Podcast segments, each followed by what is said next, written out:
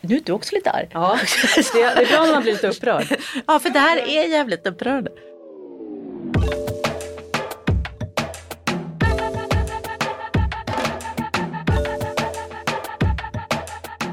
Det här är Schysst mat.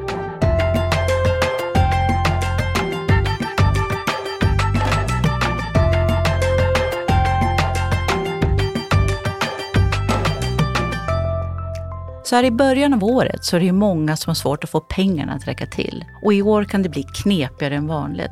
För maten har plötsligt blivit dyrare. I ett vanligt svenskt hushåll så går var åttonde krona till mat. Och ju mindre pengar man har desto hårdare drabbas man ju såklart av stigande livsmedelspriser. Det gäller både i Sverige och i världen. Och därför slår stigande matpriser allra hårdast mot människor som lever i fattigdom. Under decennier har vi lagt allt mindre del av hushållspengarna på mat. Vi har helt enkelt vant oss vid att mat är billigt. Men nu har något hänt. Priset på vete slår rekord på världens spannmålsbörser och priserna i matbutikerna rusar. Finns det någon som tjänar på att maten blir dyrare? Går det att äta både billigt och bra eller måste man välja?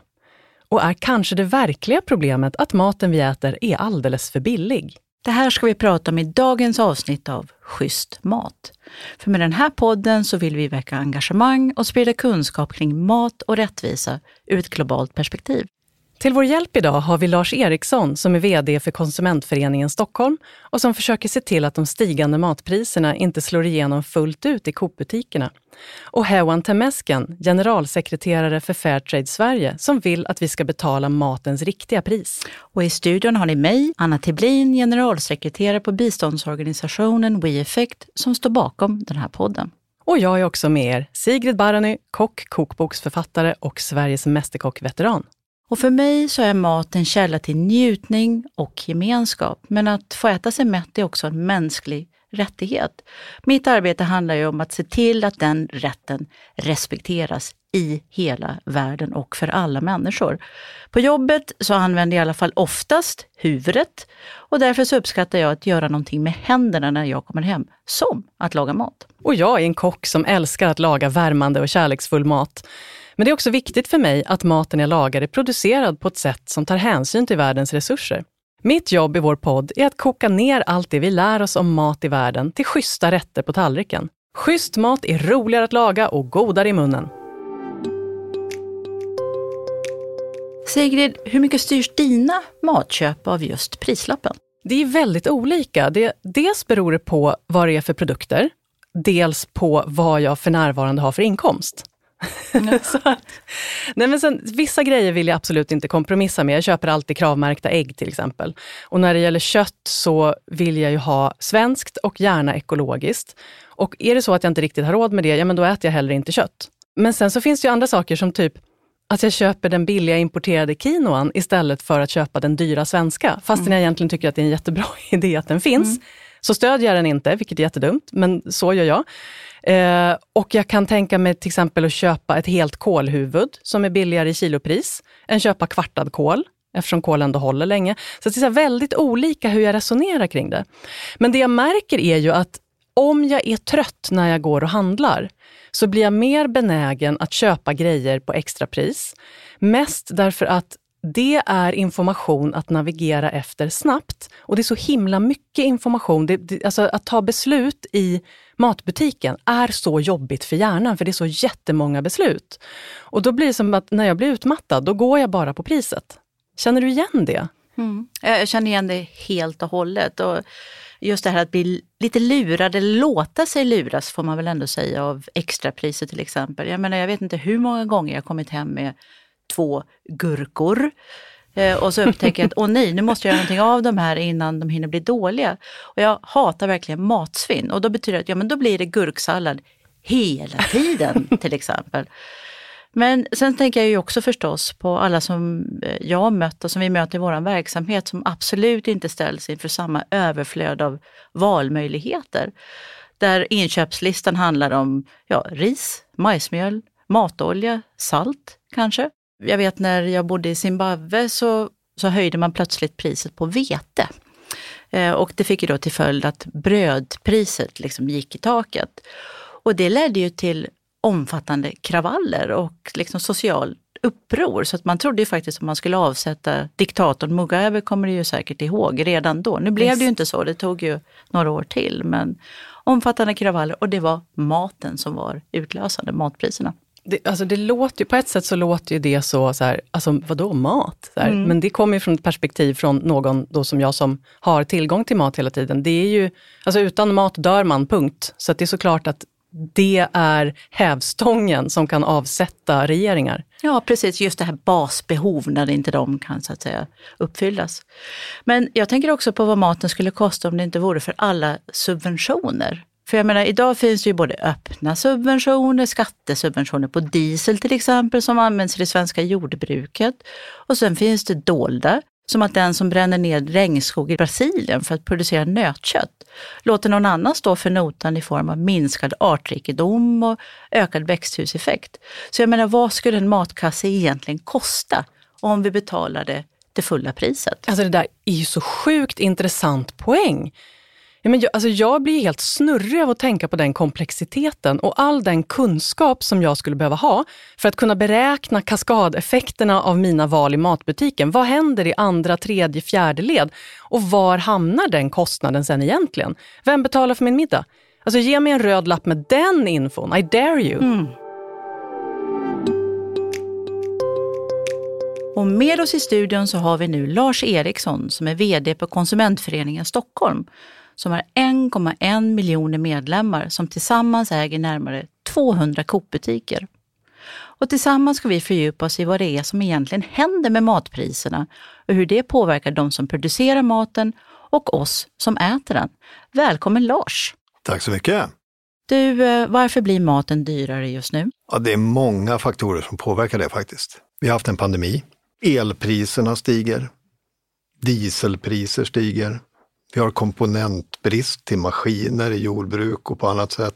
Och vi har liksom också en stigande inflation globalt. Och det där påverkar ju alltid priserna. Frågan är bara hur länge kommer den här prisökningseffekten pågå? Och det är faktiskt svårt att svara på. Många bedömare bedö- bedömer att det här kommer att åtminstone leva vidare in ett halvår framåt.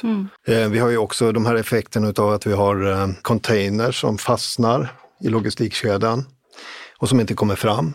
Det påverkar utbudet och som ni vet, utbud, efterfrågan påverkar också pris. Så att allt hänger ihop. Eh, och på något sätt så kan man säga att alla drabbas.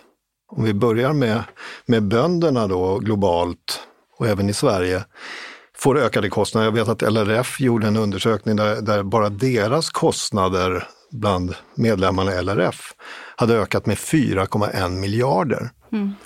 Och det är klart att om, om, kostnaderna i det ledet uppstår så kommer det också få leverantörer som ska köpa in jordbruksvarorna som kräver kompensation för ett ökande pris. Och när leverantörerna kräver ökad kompensation, då drabbar det dagligvarusektorn. Och vi som ska köpa in varorna får då krav på att, vi ska, att det ska kosta mer helt enkelt. Och det kokar sin, i sin tur ner till konsument. Men kan vi inte gå rakt på den frågan? Hur märker du det i ditt jobb? I mitt dagliga jobb så ser jag ju att alla som jobbar i dagligvarukedjan och som ska köpa varorna, träffa leverantörerna, får hela tiden nya krav på prisökningar. Och som inköpare i dagligvarusektorn så måste man ju då trycka tillbaks det på olika sätt. Det är ju en förhandling. De pågår varje år, så det är inget konstigt i sig. Men man ska ju vara medveten om att, att livsmedelspriserna har ju sjunkit historiskt. Egentligen ända sedan EU-inträdet. Och nu kommer effekter som är, som är svåra att hantera som alla vill kompensera sig för. Och då, vad vi måste göra då från inköpssidan i Coop, och det gäller även ICA och alla andra konkurrenter, det är att försöka förhandla fram volymrabatter eller på så sätt göra att vi kan hantera att inte behöva ta ut hela den prisökningen i butik. Men det är en utmaning. Vad tror du händer med våra köpvanor när maten blir dyrare? Jag tror att det kommer att ställa krav på oss som konsumenter att fundera på hur vi planerar våra inköp. Kan också leda till att vi är mer noggranna med hur vi liksom konsumerar det vi har köpt. Vilket i sin tur skulle vara positivt för hållbarheten därför att då minskar matsvinnet och det är jättebra.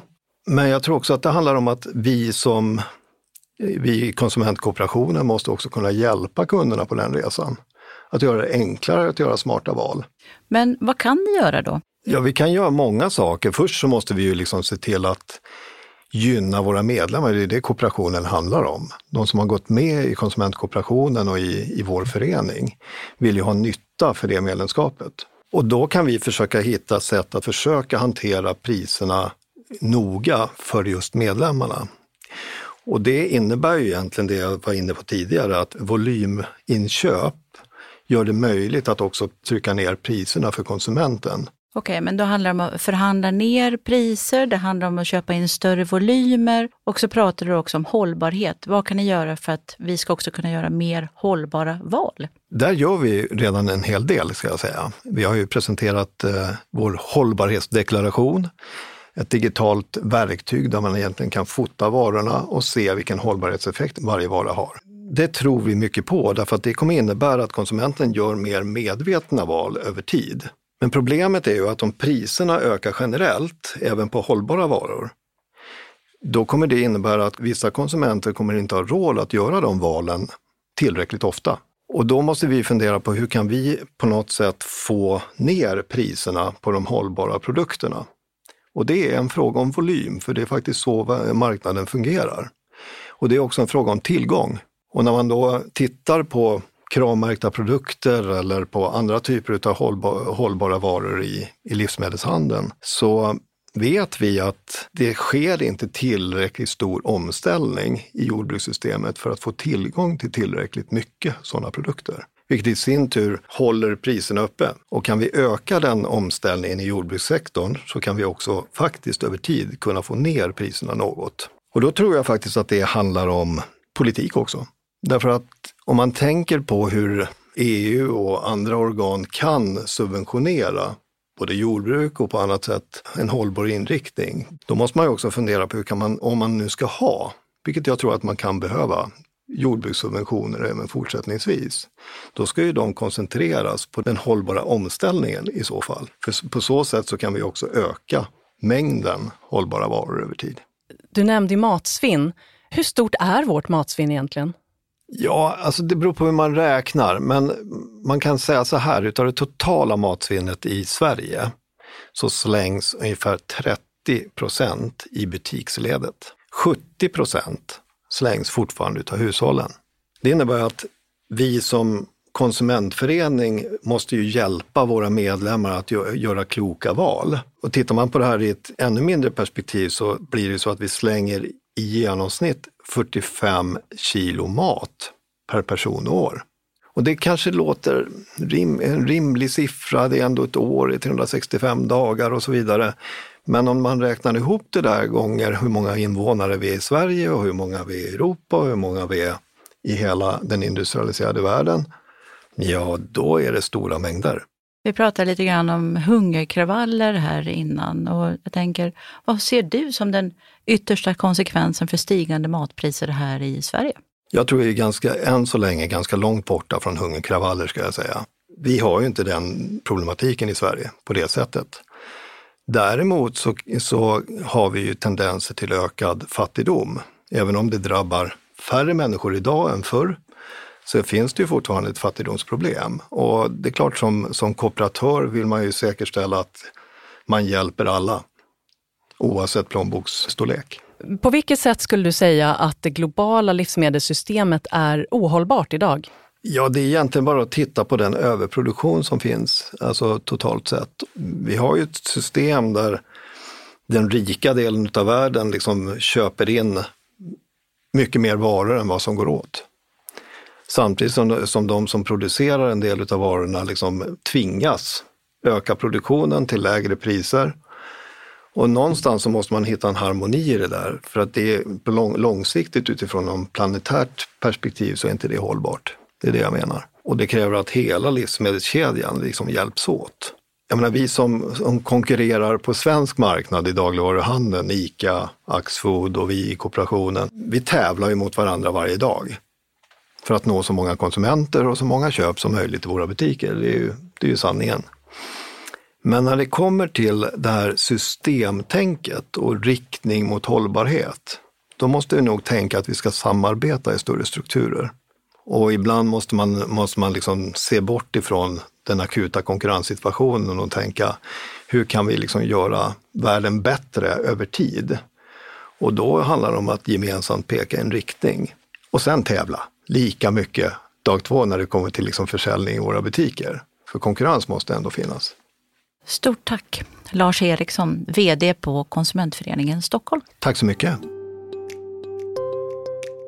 Jag tänker Sigrid, vad otroligt eh, komplext det är ändå Verkligen. med de globala livsmedelssystemen och hela omställningen som behövs nu. Och samtidigt det som Lars berättade om samarbetet inom detaljhandeln. Där, hur kan man göra det lönsamt? Den konkurrensen, hur kan man få, du vet, man liksom blir bäst på hållbarhet och det är samtidigt det som blir mest ekonomiskt lönsamt. För det här är ju samtidigt företag som konkurrerar på en marknad. Precis, samtidigt som de också sitter i samma båt så som mm. vi alla gör därför att det finns ingen Planet B. Och jag tänker också på det, det han sa om de extra hållbara varor, varor som kanske är lite dyrare, att det här att Finns det tillräckligt stort genomflöde, finns det volym, så kan man ändå hålla de priserna på någon rimlig nivå. Så att det finns en poäng att så här, har du råd med de schyssta varorna, köp dem även för din grannes skull. Mm. Men jag tänker om du går till dig själv då, hur gör du när maten blir dyrare och du faktiskt har en matbudget som du inte kan överskrida? Ja, alltså det där är ju klurigt för att ibland kommer det att bli då att jag får byta det kravmärkta kaffet till ett som är på extrapris. Men sen finns det ju andra sätt att få pengarna att räcka, vilket ju kanske ofta handlar om tid. Mm. Köpa du vet, torkade bönor istället för förkokta bönor och då kommer jag behöva lägga mer tid, men det blir mindre pengar i den budgeten i alla fall. Och sen det här med att hålla sig till grönsaker i säsong. Men som nu i mars, då är det ju vitkål, grönkål, jordärtskockor, billig mat, bra mat. Jag tänker också på det som vi har pratat om i den här podden tidigare, nämligen att det kanske är så att vissa saker ska man inte kompromissa med därför att det har så stor påverkan hos de människor som producerar till exempel kaffe.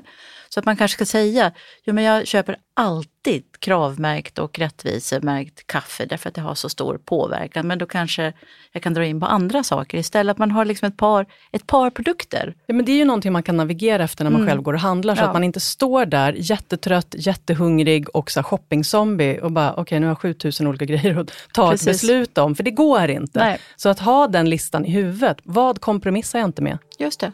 Det ska vara lätt att göra rätt. Mm.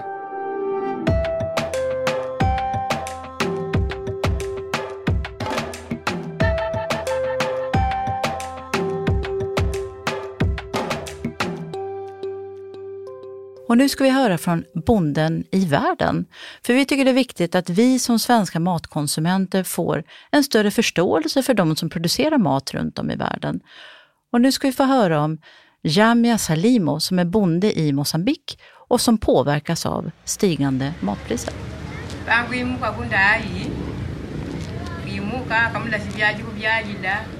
Mosambiker som bor på landsbygden lägger i genomsnitt över halva sin inkomst på att köpa mat. Och för de allra fattigaste går nära två tredjedelar av inkomsten till att sätta mat på bordet. En av dem är jordbrukaren Jamia Salimo som odlar grönsaker i norra Mosambik. Trots att hon lägger så stor andel av sina pengar på mat räcker det inte till en näringsrik kost. Nio av tio mosambiker har inte råd att äta tillräckligt näringsrik mat. De senaste månaderna har priserna gått upp och jag har spenderat ungefär 1000 metikaish på matinköp per månad, berättar Jamia. I Sverige motsvarar det 120 kronor. Småskaliga bönder tjänar ofta så lite på maten de säljer att den inkomst de får in inte räcker till att köpa de livsmedel de själva inte producerar. Människor som lever i fattigdom har dessutom sällan tillgång till konventionella banktjänster, så om matförrådet eller pengarna tar slut är det vanligt att man tvingas vända sig till familj och vänner för att få hjälp. Men Jamja har hittat en form av ekonomisk trygghet. Som medlem i en organisation för lokala bönder deltar Jamia i en spar och lånegrupp tillsammans med andra jordbrukare. Alla avsätter en liten summa pengar till gruppen varje månad och sen turas de om att ta ut större belopp när det behövs. I kriser kan medlemmarna låna från den gemensamma kassan och i takt med att besparingarna växer förbättras medlemmarnas ekonomi. Jamia använder till exempel sparpengarna till att investera i att utveckla sitt jordbruk. Jag drömde länge om att dra in el i huset och det har jag nu, berättar Jamia. Jamia är ju ett eh, jättebra exempel på den skillnad det ändå gör när människor organiserar sig och jobbar tillsammans för att möta kriser och utmaningar. Men jag tar ju särskilt med mig hur det faktiskt är att behöva lägga över halva sin inkomst bara för att kunna äta sig mätt. Jag studsade på den också. Det går inte riktigt att föreställa sig med, med, med svenska mått mätt. Det skulle mm. bli så sjukt mycket pengar. Och man fattar hur otroligt svårt det är att liksom, komma någonstans från den fattigdomen. Precis, man kan ju säga att det är väldigt dyrt att vara fattig. Ehm, genom jobbet så möter jag bönder som påverkas nu konkret av de ökande priserna på utsäde, bränsle, mat och så vidare. Och en sak är ju säker och det är ju att bönder idag tvingas anpassa sig till väldigt snabba förändringar. Vi har pandemin, klimatkrisen, störningar i världshandeln och det är ju någonting som alla på olika plan ändå måste förhålla sig till. Bara här i Sverige så uppskattar ju LRF att eh, böndernas kostnader för diesel, el, konstgödsel och annat ökar med drygt 4 miljarder per år. Oj.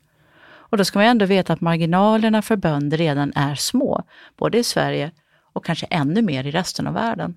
Men samtidigt så kan man ju förstå att man som konsument kanske inte tänker på den som plockat druvorna varje gång man väljer ett vin på Systembolaget. Men det kanske går att ändra på, eller vad tror du? Jag tänker att det låter som en fråga för vår nästa gäst. Nu har vi pratat om varför matpriserna ökar. Men vad gör högre priser med vår vilja att betala lite extra för schysst producerad mat? Det ska vi prata om med Hewan Temesken som är Fairtrade Sveriges generalsekreterare. Välkommen Hewan! Ja, men tack så jättemycket! Ditt jobb är ju att se till att de som producerar maten vi äter får schyssta villkor. Hur går det tycker du? Ja, alltså jag skulle väl snarare säga kanske att mitt jobb handlar väldigt mycket om att få fler att vilja ta ett större ansvar um, så att de som producerar maten får schyssta villkor men också bättre betalt. Och då när jag säger fler då tänker jag på oss konsumenter, jag tänker på företagen, jag tänker på politiker. Och eh, där tycker jag att det finns mycket som tyder på att det går, i alla fall går åt rätt håll.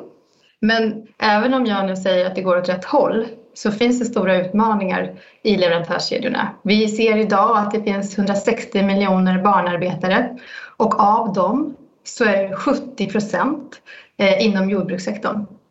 Eh, och vi har också nu kunnat se en fattigdomsökning till följd av coronapandemin. Och sist men inte minst så har vi klimatutmaningarna som drabbar de som bidragit minst till utsläppen allra mest. Så jag tycker att det går åt rätt håll, men det finns ju fortfarande väldigt mycket att göra. Alla pratar ju om att vi ska leva mer hållbart, men ibland är det ju lite otydligt vad som faktiskt menas. Så då är frågan, vad är hållbarhet för dig?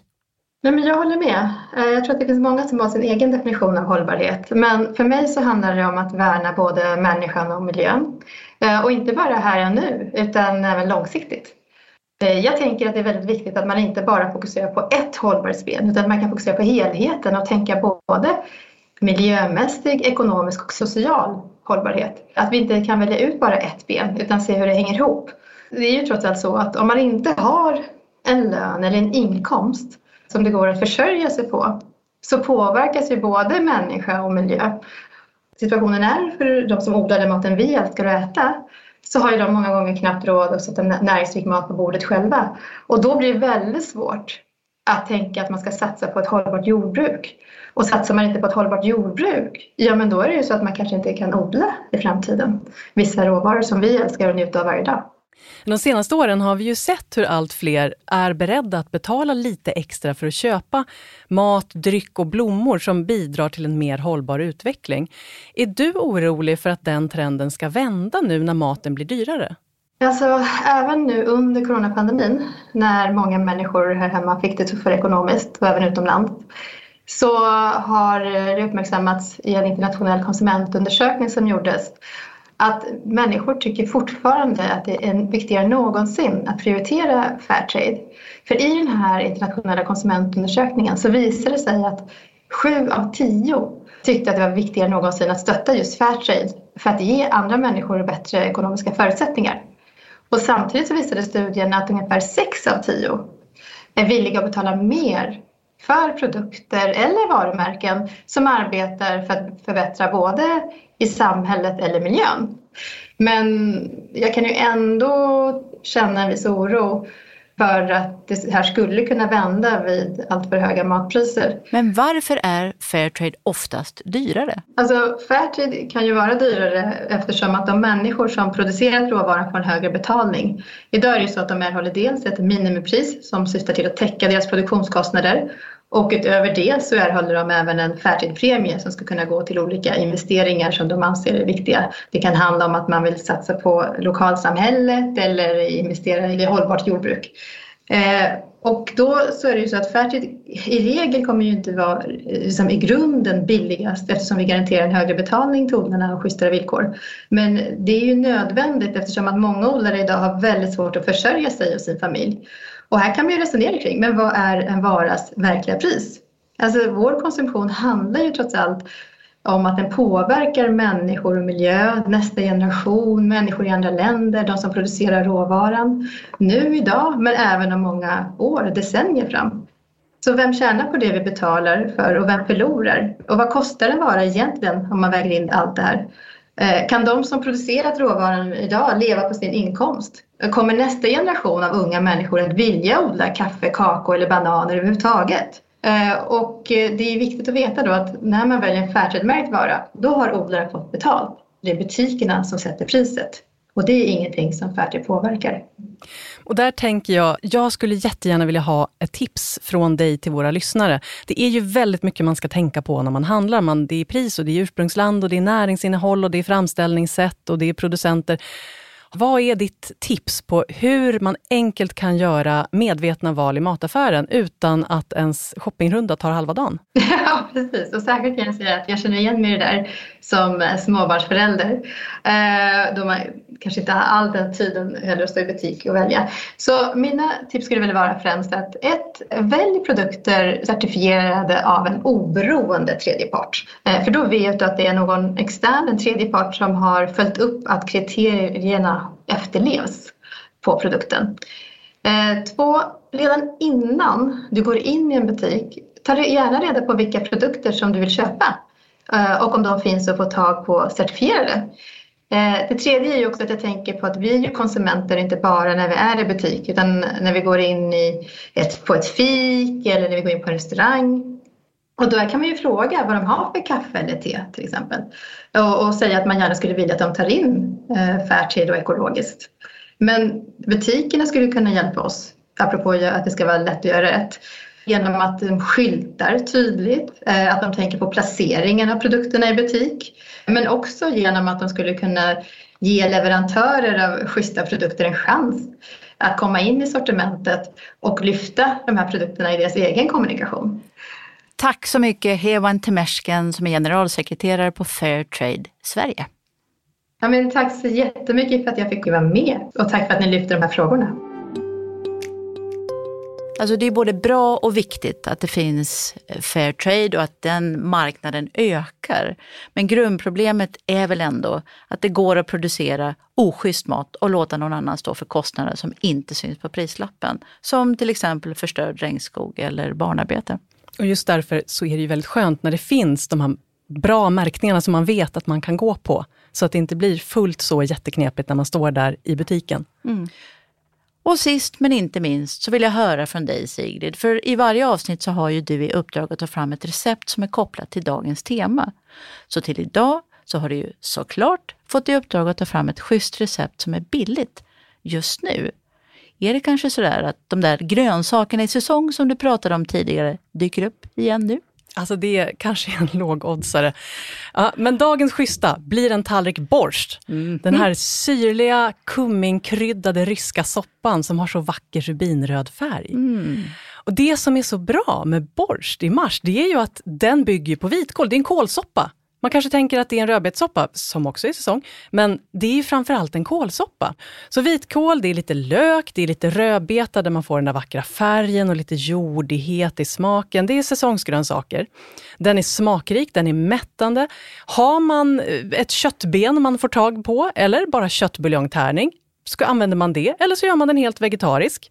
Man kan göra den mer mättande genom att slänga i potatis eller rotselleri om man vill ha den liksom lite mer nästan grytaktig. Och sen så tänkte jag att till den har man också en liten potatispirog med lite svarta bönor i, kanske från Öland till exempel. Oh. För att den också ska bli lite extra mättande och se till proteinbehovet och det ska kännas tillfredsställande. Kokt potatis har ju faktiskt ett fantastiskt mättnadsindex.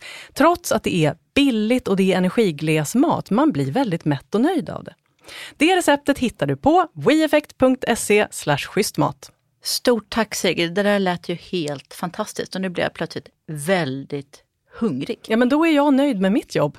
Mm. Vad får jag för utmaning till nästa gång? Ja men i nästa avsnitt ska vi prata om skolmat. Så ditt uppdrag blir ju då att laga någonting med koppling till skolan och skolmat och ja, vad kan det bli månntro? Ja, alltså nu gick ju jag i skolan på 70-talet så det kommer ju att bli pölsa.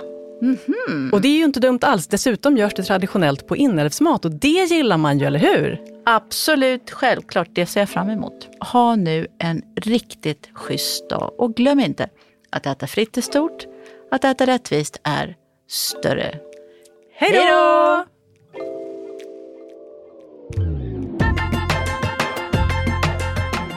Du har lyssnat på Schysst mat Schysst mat görs för WeEffect av Munk Studios.